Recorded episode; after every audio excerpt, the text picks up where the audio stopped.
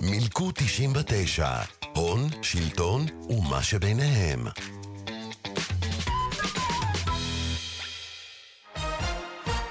צהריים טובים לכם אחת עכשיו, אנחנו עם עדכון החדשות לבחירות 2022. כתבינו בשטח ממשיכים להביא את הקולות ואת תוצאות האמת שממשיכות לזרום גם בשעה זו. עד כה נספרו 95... למעשה, המשא ומתן כבר החל, אף אחד לא מחכה להכרזה הרשמית של הנשיא, ובתוך החדרים נחתכים דברים. ואחד הדברים שנסגר לפחות באופן עקרוני זה גודל הממשלה. המנדט להרכבת הממשלה יוטל מחר רשמית על בנימין נתניהו. לא שזה מפתיע, למעשה בכירי הקואליציה המסתמנת בעיצומם של מגעים נמרצים בניסיון להשביע את ממשלתם כבר השבוע. היי, ממש בקרוב תהיה פה ממשלה. כולם כבר עסוקים בדיונים על חלוקת התיקים המסתמנת, אבל הרבה יותר חשוב לעסוק במה ולא במי. כבר שבע שנים שאנחנו פועלים לקידום האינטרס של ה-99% מהציבור, מהאוכלוסייה. היום נדבר על חמישה נושאים שלדעתנו הם הכי קריטיים, כאלו שהממשלה חייבת לקדם לטובת הציבור הרחב. ומאחר ואנחנו מדברים על ממשלה, אז הזמנו את מנהלת תחום הממשלה בלובי 99, עורכת הדין רחל גור. היי רחל. מה העניינים קרבן? בסדר גמור, מה שלומך? הכל טוב, כיף לי שיש לנו, אני מקווה, אוטוטו, ממשלה. בואי נגיד ככה, שלא משנה באיזה צד של המפה הפוליטית אנחנו נמצאים, אנחנו תמיד שמחים שיש יציבות במערכת הפוליטית ושבעצם רפורמות וכל מיני מהלכים שתקועים כל הזמן יכולים בעצם להתקדם ולהתפתח ובסופו של דבר להשפיע על האינטרס שלנו. כמובן, ואנחנו גם עומדים בפני, אחרי הרכבת הממשלה, בפני אה, זה, חוק התקציב, ככל הנראה 2023, אולי גם 2024, אז יהיה לנו פה רצף אה, של חוקי תקציב וחוק הסדרים חדש. זו תקופה מעניינת ומרתקת. אוקיי, אז אנחנו מתכנסים כדי, אפשר להגיד, להמליץ לחברי הממשלה החדשה מה עליהם לעשות, מה הדברים החשובים ביותר. אז בואי נצלול ישר לנושא הראשון. את מוזמנת לישיבת הממשלה הראשונה, מה הנושא הראשון שאת דופקת על השולחן ואומרת להם, חברים, עכשיו. אז אין פה שאלה בכלל, הנושא הראשון זה תחרות בשוק המזון. נושא שאנחנו מטפלים בו כבר לא מעט זמן. נכון, וזה גם נושא שעלה למודעות ציבורית אה, די רחבה בשנה האחרונה, וכאשר אנחנו מדברים על תחרות בשוק המזון, בעצם אנחנו מדברים על השליטה של חברות מזון הגדולות אה, במדפי הסופרמרקטים, שבעצם מאפשרים להם להעלות מחירים בקלות יתרה. כשאנחנו ש... מדברים על חברות מזון, אנחנו לא מדברים על שופרסל ורמי לוי, אנחנו מדברים יותר על... ספקים ויצרנים. שזה דוגמאות, בואי תתני לנו. דוגמה, יונילבר, דיפלומט, שסטוביץ, אה, אוסם, תנובה, סטראוס, אנחנו מדברים על חמש-שש חברות שזה, שמחלקים ביניהם אה, את כל שוק המזון הישראלי. אז מה צריך לעשות איתן? אז קודם כל אנחנו יודעים ממרד הפסטה ומרד הטונה, שאנחנו הובלנו יחד עם הצינור, ששנת 2022 הייתה שנה מכוננת מבחינת הצרכן הישראלי. הציבור הפסיק להיות פראיירים, וכפי שראינו במרד הפסטה ומרד הטונה שיזמנו יחד עם הצינור, אבל זה לא מספיק. כאילו מחאה צרכנית בלבד לא יבינו לשינויים המבניים הנדרשים בשוק המזון כדי לייצר תחרות שבסופו של דבר יוריד לכולנו את המחירים בסופר, המחירים שאנחנו משלמים עליהם ביוקר, יום-יום, שבוע-שבוע. גם צריך להגיד, אנחנו מלכתחילה בלובי לא יצאנו לאיזושהי מחאה צרכנית כדי להגיד הנה אנחנו מובילים מחאה. ישבנו ממש בחדר אחד ודיברנו על איך משפיעים, איך גורמים לממשלה, אמנם זאתי שעכשיו מסיימת את דרכה, להתעסק בנושא הזה, והבנו מאנשים בצורה די ישירה, קיבלנו מסרים מאנשים בצורה די ישירה באוצר, שממש אף אחד לא עומד להתעסק בזה, זה היה אחרי שהעבירו תקציב, העבירו חוק הסדרים שאולי לא היה כמותו בהיסטוריה של חוקי ההסדרים, וכולם רצו לנוח, או לעבוד על מה שהם הצליחו להעביר, ואמרו לנו תעזבו אותנו ממזון. ואנחנו בלובי אמרנו אוקיי אתם רוצים שנעזוב אתכם עם מזון הלכנו ארגנו ביחד עם הצינור את כל המחאה הצר... הצרכנית העלינו את זה לסדר היום ואילצנו את הממשלה הקודמת להתעסק בזה. אין ספק וזו הייתה הצלחה מסחררת אבל חשוב לזכור שצרכנות נבונה ומחאה צרכנית זה דבר שהוא חיוני ההתעוררות של הצרכן זה דבר חיובי שאין כמוה אבל זה לא מספיק. כלומר, זה היה שלב אחד מתוך איזושהי ראייה אסטרטגית שלנו, של מחאה צרכנית, תוביל את הממשלה להתעסק בזה, ומה בעצם הנקודות שבזמנו רצינו להשיג, ועדיין מחכות לטיפול הממשלה. אז יש מספר נקודות, ולכן מה שאנחנו, מה שאנחנו מבקשים, דורשים כרגע ממקבלי ההחלטות על מנת לייצר פה שינוי אמיתי, זה שהממשלה הבאה חייבת להקים ועדה ייעודית לבחינת הריכוזיות בשוק המזון הישראלי. מאוד דומה לוועדת קדמי שהוקמה בעקבות המחאה החברתית ב-2011, והגישה את מסקנותיה ב-2014. בעצם הוועדה הזאת תייצר דרכים ממשיות לטיפול בבעיה. אוקיי, יש לנו כמובן הצעות, בין אם זה הפרדה מבנית אה, של המונופולים, בין אם זה איסור היבוא בלעדי או עידוד יבוא מקביל. יש לנו אין ספור המלצות שאנחנו יכולים להגיש לאותו ועדה, אבל אנחנו חייבים בו חשיבה מרוכזת וגם ממוקדת יישום אה, של הממשלה וכל הגורמים שתומכים בה. זאת אומרת, אי אפשר כבר לדבר באוויר, אנחנו חייבים להגיע לשלב של דיבור רציני ומעשי. נצא אולי מזה ככה, ניקח זום אאוט לנושא נוסף, אבל שקשור, את בטח תגידי לנו בצורה כמעט בלתי אין. נכון, זה המשך הישיר. כן, אז מה הנושא השני שנדפוק על השולחן ונגיד להם, עכשיו בזה מטפלים? אז הדבר השני בהחלט זה המשך אה, פתיחת השוק ליבוא. כמובן, זה גם מתחבר אה, לנושא של מזון. מזון היה אחד הפרקים המרכזיים אה, ברפורמה ביבוא שעברה בחוק ההסדרים האחרון, הקודמת, שבעצם מטרתה הייתה אה, מתן הקלה על יבוא לארץ של מגוון מוצרים. מה שהוביל ויוביל אה, להגדלה בתחרות תחרות ביבוא וגם הקלה במחירים. אבל לצערנו, כתוצאה מהלחץ של חברות גדולות, יש המון המון מוצר, מוצרים שנותרו מחוץ, כאילו בעקבות הרפורמה הקודמת, במיוחד בתחום של התמרוקים. לדוגמה, גם במסגרת הרפורמה החדשה, זאת אומרת שתיכנס לתוקף, הפרק האחרון של הרפורמה ביבוא, שתיכנס לתוקף בראשון לראשון 2023, עדיין אי אפשר לייבא סכיני גילוח ג'ילט או משחת שיניים של קולגייט ביבוא מקביל. זה חוסר, זה דבר... וזה הכל עניינים רגולטוריים, נקרא לזה, החלטות ש... תקועות במשרדי הממשלה. זה לחץ של החברות הגדולות, שהם הצליחו להחריג עוד בעת החקיקה בכנסת, כאילו בוועדת, אה, בוועדת הכלכלה, הם בעצם הצליחו לצמצם את הרפורמה כדי לשמור על האחיזה שלהם בנתחי שוק גדולים. תראי, בפודקאסט שלנו, אני חושב שאין נושא שסיקרנו יותר מעולם היבוא. נכון. ובפרט את הרפורמה ביבוא, וסיפרת לנו כבר בהרבה מאוד פרקים על כל השלבים השונים. לכן אנחנו ממליצים לכולם להקשיב לכל הפרקים הקודמים, כדי שהם יהיו בעניינים. נכון, אבל מה עושים? כאילו זה נראה שכל פרק אנחנו מסמנים וי וכובשים עוד פסגה, ועכשיו מה? מה עוד נשאר לעשות ב... בעולם היבוא? אז המאבק ב... ביוקר מחיה הוא מאבק אינסופי, צריכים לזכור. ובסופו של דבר השינוי האמיתי שאנחנו נרגיש בכיס אה, של כולנו, של הצרכן, יבוא בהרבה הרבה צעדים קטנים. אז נכון, זה לפעמים זה מרגיש סזיפי, אנחנו נאבקים על הקונדומים, ואחר כך על הטמפונים, ואז על החיתולים, ועכשיו על התמרוקים, על הקולגייט ועל, הזה, ועל הג'ילט. אבל כן, כל מוצר שאנחנו נצליח לפתוח כאילו לגביו את הסוג, בסופו של דבר זה מצטבר לחיסכון מאוד גדול בצה"ל של הצרכן הממוצע אה, כל שבוע ולא כל חודש. אז כן, עכשיו אנחנו ממוקדים בנושא של התמרוקים, המוצרים שקונים אה, אה, בחנויות פארם. בואי נדבר על הנושא הבא, או יותר נכון, על איך את מגיעה לעבודה כל בוקר כשאת יוצאת. אז אני לא חושבת שאני אגלה לך סוד, שאני אגיד לך שבשנים האחרונות הפקקים נהיו מזעזעים. אני לא חושבת שזה סוד לאף אחד אה, זה, במדינה שלנו, שבסופו של דבר הפקקים נהיו פשוט דבר שמכשיל אה, עבודה. אני זוכרת שאנחנו דיברנו על זה, שזה שהיום בישראל נהוג, לא נהוג להתחיל ישיבות לפני 10, 10 וחצי. למה? כי אנשים צריכים להגיע, והם צריכים לעמוד בפקקים שעתיים, שלושה בבוקר. וזה מטורף. במיוחד עבורי, אני אימא, אני לרוב אוספת את הילדים שלי מהגן. אם אני לא מתחילה את יום עבודה עד 10, ואז אני מסיימת אותו בשלוש כדי לאסוף, אז מה ישר? מה, מה נותר לי? חמש שעות.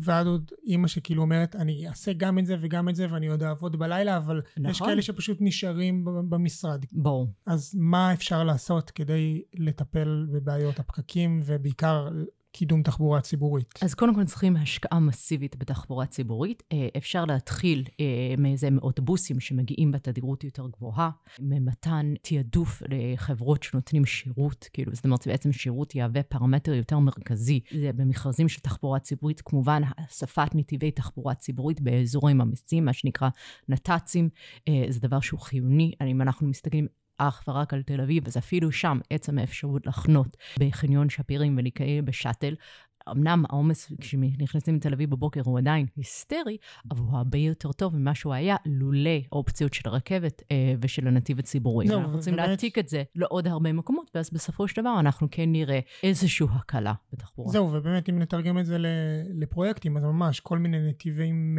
מהיר- לעיר ונתיב פלוס. עכשיו, עד עכשיו הוא היה בכביש החוף, עכשיו יש גם בכביש אחד עומד להיפתח. נכון. אנחנו ממש מדברים, הזכרת את שפירים וכל מיני חנה וסע, אז באמת קידום של אותם דברים יוביל לאמון יותר רב בתחבורה ציבורית, וכמו שבלונדון אנשים משתמשים בתחבורה ציבורית כדי להגיע לעבודה עם עניבה, נכון, אולי גם וזה פה. הדיפולט, כולם משתמשים שם בתחבורה הציבורית, כי, כי התחבורה הציבורית היא יציבה, היא באה מתדירות יותר גבוהה, וזה, וניתן לסמוך עליה. ורק ככה, רק דרך כאילו גם תגבור של תחבורה ציבורית וגם תעדוף של נת"צים, רק ככה אנחנו נגיע למצב שאנחנו נצליח להתפטר מהשריפה של שעות ארוכות ועצבים האינסופיים של עמידה בפקקים. אם אנחנו מדברים כבר על שריפת זמן, שאגב מתרגמת גם לשריפה של כסף בסופו של דבר אה, במשק הישראלי, בצורה מאוד ישיר. הפסדים מאוד משמעותיים, אז אם אנחנו כבר מזכירים את ההשלכות הכלכליות ומזכירים את המונח הזה הכל כך מגונה שנקרא כסף, בואי נעבור לדבר על עוד נושא לא פחות חשוב שצריך לטפל בו. צמצום הריכוזיות של גופי הפנסיה. נכון. מה אכפת לך? אז אכפת לי מאוד, כסף זה דבר מאוד חשוב, כרמל. אתה יודע, זה, זו, זו, זו לשיטתי במיוחד הכסף של הציבור. להגן עליו זו מטרה נאותה. אה, שאין כמוה, ולגבי הפנסיות חשוב שאנשים יבינו, יש מספר מאוד מצומצם של גופים שמעלים את כספי הפנסיה שלנו. והכוח הריכוזי הזה הרבה פעמים מנוצל לרעה. כשאנחנו אומרים גופים שמנהלים את הפנסיה, אז זה אותם חברות שבתחילת העבודה שלקחנו או שניקח, שבעצם נצטרף, אנחנו בעצם חותמים מולם שהפנסיה שלנו עוברת מהמעסיק שלנו, מאיתנו, ונשמרת שם בתמורה לעמלות מסוימות. אנחנו לא נעשה פרסומת לחברות, אבל נכון. יש. מספר די יש קטן, מספר מצומצם. מצומצם. בישראל הבן אדם לא יכול לנהל את הפנסיה בעצמו. בסופו של דבר כל אחד חייב להפריש לפי חוק הפנסיה לאיזושהי חברה שמנהלת את כספי הפנסיה. מדובר בחמש-שש חברות כאלו בישראל, אה, והשאלה היא האם זה מספיק? האם יש פה באמת תחרות אפקטיבית בין החברות?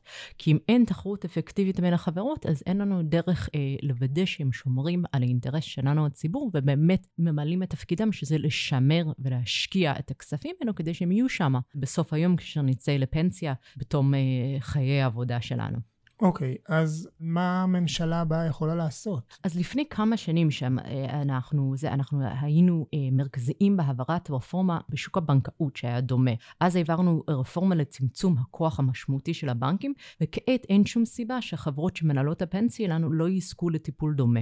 הממשלה הבאה חייבת גם פה להקים ועדה לטיפול בנושא. אגב, זו גם ההמלצה של כלל הרגולטורים הפיננסיים הבכירים בממשלה הקודמת. זאת אומרת, זאת אומרת שאם אנחנו מדברים על רפורמת שטרום של עורך הדין דרור שטרום, לשעבר נכון. הממונה על רשות ההגבלים, היום רשות התחרות, שרפורמה שכל הזמן השוו אותה לרפורמת הסלולר גם, והיא רפורמה הרבה יותר מורכבת כמובן, גם אמרו שהיא לא השפיעה בכלל, היום אנחנו בשנים, ממש בשנה האחרונה אנחנו רואים בנק חדש, ואנחנו רואים זה הפרדה לוקח של- זמן הפרדה עד של שרואים את כרטיסי ההשפעה האשראי- בשטח, אבל האשראי. כן, לאט לאט אנחנו רואים שזה מטפטף, שזה עובד, אולי לא בצורה מספקת, אולי צריכים להוסיף לזה עוד חלקים, אבל כן רואים שינויים משמעותיים. ועכשיו אנחנו צריכים להעביר את הגופים המוסדיים, זאת אומרת, הגופים שמנהלים את, את הפנסיה שלנו באותו, באותו מסלול, כאילו, כדי לייצר, כשלא יכול להיות שיש מספר מאוד קטן של חברות שמשתלטים על, על נכסי ציבור כל כך רחבים, ללא, אה, זה ללא תחרות מספיק אפקטיבית. לא תחרות, וגם אולי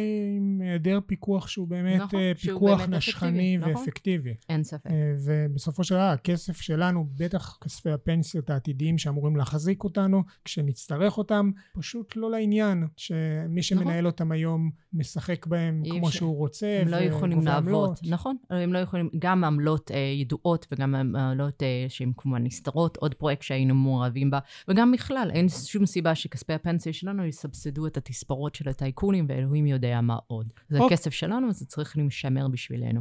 אוקיי, והזכרת את המילה טייקונים, אז את ממש מעבירה אותנו מנושא לנושא כל פעם, את יוצרת לי אסוציאציות. כבוד הוא לי. אז הזכרת את המילה טייקונים, בואי נדבר על אחד מהם, על עידן עופר, על כי"ל, ועל מפעלי ים המלח. נכון. אז אחד הפרויקטים הגדולים שיעמוד מול הממשלה, זה אולי לא, לא הדבר הכי סקסי, זה לא הדבר הכי מיידי, אבל זה בהחלט אחד הנושאים החשובים, זה היערכות לתום זיכיון של ים המלח. חברת הכימיקלים מישראל, כי"ל, מה שנקרא בשפת העם, מרוויחה הרבה הרבה כסף מים המלח. השאלה היא, האם הממשלה הזאת תאפשר להם להמשיך להרוויח כרצונם, או האם הם יכריחו אותם סוף סוף להפריש לציבור את חלק שלו, את התמלוגים. ממה שאנחנו מכירים, כלומר ברמה הציבורית התקשורתית, ים המלח שייך לכי"ל, אז למה ספציפית הממשלה הזאת הגיעה לפתחה להחליט? מה קורה אז ב... זהו, ים המלח לא באמת שייך לכי"ל, אה, לשמחתי הרבה, אלא הם זכו בזיכיון ארוך טווח, והזיכיון הזה צפוי להסתיים ב-2030. עכשיו, 2030 מרגיש לנו רחוק בתום אה, 2022, במונחים של הממשלה זה ממש אוטוטו, זה עוד רגע. והממשלה הנוכחית יצטרך לחשוב מה הם רוצים, האם הם רוצים להאריך את הזיכיון, דבר שאנחנו כמובן לא ממליצים, האם הם רוצים לשנות את תנאי הזיכיון, האם הם רוצים לפתוח את המכרז הזה, סוג של תהליך מכרזי לתחרות, יש פה המון המון שאלות פתוחות, ואנחנו נהיה שם כדי לוודא שהאינטרס של הציבור נשמר, ובסופו של דבר, אחרי עוד מאבק מתיש, הציבור יקבל את התמלוגים שמגיע לו. זאת אומרת שבכל מצב שלא יקרה, בין אם זה יהיה המשך זיכיון שכימיקלים לישראל יקבלו להמשיך ולעסוק בים המלח ולנהל שם את העסקים שלהם, ובין אם זה יהיה זכיין אחר, ובין אם זה יחזור למדינה, המטרה העיקרית היא שב-2030 תמלוגי המדינה, ההתייחסות בכלל לים המלח בצורה אה, רב גונית ומבחינת כל מיני היבטים סביבתיים והתיישבותיים ותיירותיים והרבה מאוד דברים שהם מעבר לרק כמה כי"ל משלמת מס אז שכל הדבר הזה יילקח גם באיזושהי אה, פרספקטיבה של האינטרס הציבורי. בדיוק. ב-2030 ההסדר החוזי הנוכחי תם. מה יהיה ההסדר החדש? אנחנו עוד לא יודעים. ואנחנו כן יודעים שההסדר הזה חייב לקחת בחשבון את האינטרס הציבורי הרחב בצורה שהיא לא נלקחה בחשבון עד עכשיו.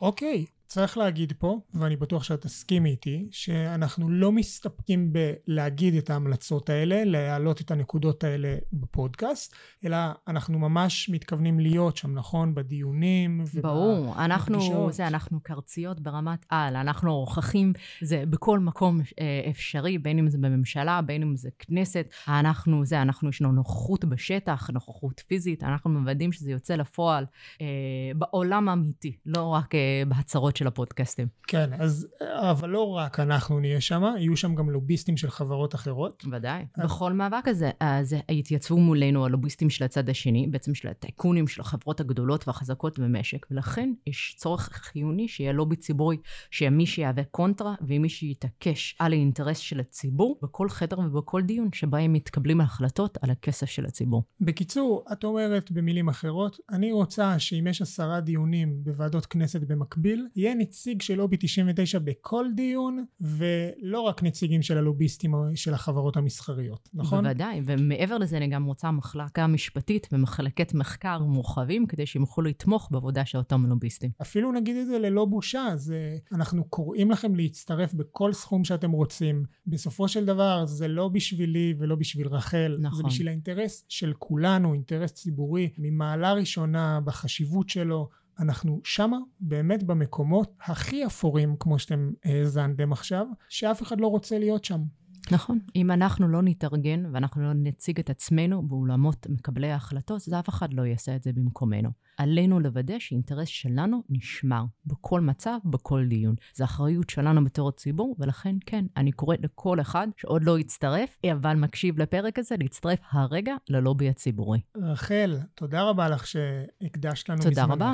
וזהו, אנחנו מסיימים, זה אמנם פרק קצר, אבל חשוב מאוד, ואנחנו מקווים מאוד שהאזינו לו גם חברי לובי 99, גם הציבור הכללי, ועוד יותר מזה, 120 חברי וחברות כנסת, שחלקם עומדים להיות בממשלה החדשה, ואנחנו רוצים שהם יישמו את הנקודות האלה. אם אהבתם את הפרק, אז אני מזמין אתכם לבוא לדבר איתנו על זה בקבוצת הפייסבוק, וכמובן להגיב לנו ולדרג אותנו, חמישה כוכבים זה המינימום מתוך חמישה.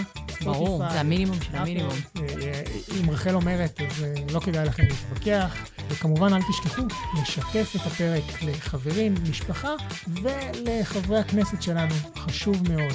אני הייתי כרמל, נתראה בפרק הבא. יאללה ביי. מילקו 99, הון, שלטון ומה שביניהם.